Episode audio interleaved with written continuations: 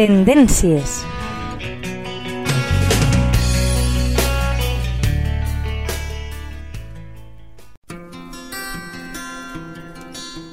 ¿Estás preparada per a la pròxima temporada?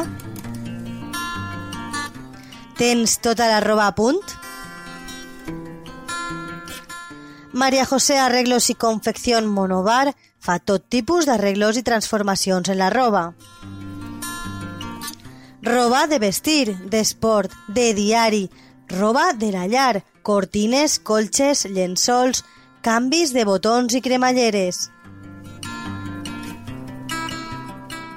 Però això no és tot, també canvia la talla i fa disfresses tant de final de curs com de carnestoltes o tot el que necessites.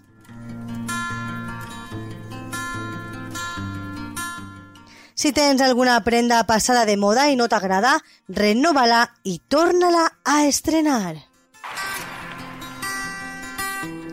No ho deixes per a última hora i tingues a punt les teues prendes perfectes per a l'estiu.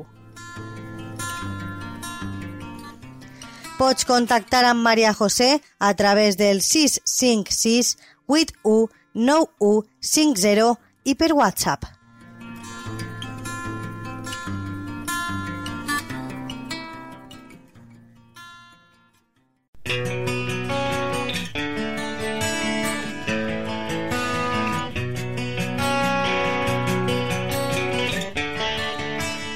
Tendències.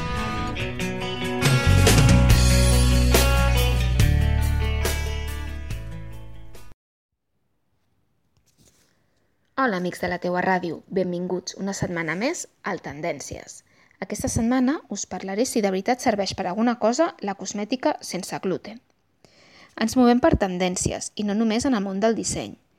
Si algú es porta, s'expandeix per tot el planeta i sentim l'inclinació de sumar-nos a la manada, tinguem raons o no.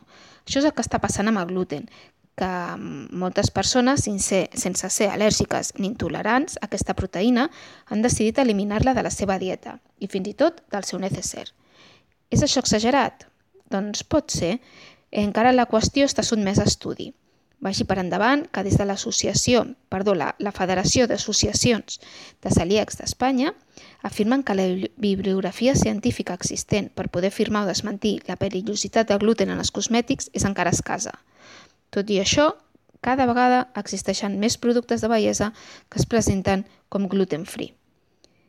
Alguns metges afirmen que els efectes secundaris de gluten en els cosmètics són més que discutibles, perquè perquè el gluten faci mal a les persones celíaques tindria que arribar a l'intestí prim, i això tractant-se d'una crimedatant del cos, un body milk, eh, per posar el cas, seria francament difícil que arribés a l'intestí prim.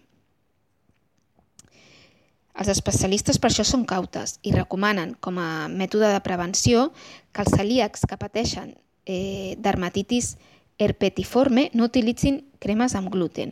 Aquesta és una enfermetat autoimmunitària que produeix ampolles petites i inflamacions similars a ronxes en les persones amb enfermetat celíaca. Eh, tot, i, i, tot i que la quantitat de gluten present en els cosmètics és molt petita i podria no afectar-los, hi ha que prestar especial atenció a les zones amb mucoses i amb ferides, perquè no es pot garantir la iniquitat d'aquests productes amb gluten. Els especialistes eh, puntualitzen que per les persones al·lèrgiques a l'etiquetat dels cosmètics és de gran utilitat. Els al·lèrgics al gluten poden presentar diferents símptomes, arribant a, a patir inflor a les vies respiratòries i fins i tot arribar a tenir un xoc ana, anafilàctic. Conclusió, si ets al·lèrgica, eh, has de llegir molt bé la composició abans de comprar qualsevol cosmètic. Tingues en compte que la paraula cereals eh, no sol aparèixer entre els ingredients, sinó que és més freqüent que figurin alguns termes eh, dels, de, de derivats, com l'oli de germen de, de trigo, de, de, del germen del blat, que s'utilitza per enriquir les cremes hidratants i donar-los més cremositat, i també, per exemple, està present en els pintallavis o a l'extracte de cibada, que, eh, que fa escalmar el cuir cabellut irritat.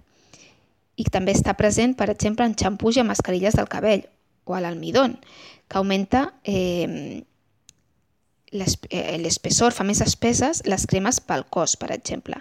Així que si ets al·lèrgica i veus aquests components a la formulació dels productes, millor que n'escolleixis un que sigui sense gluten. Bé, moltes gràcies i fins la setmana que ve.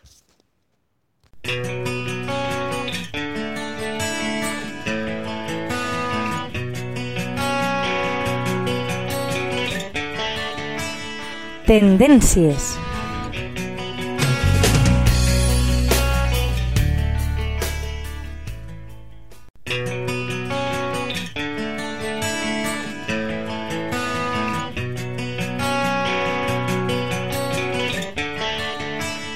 Tendències.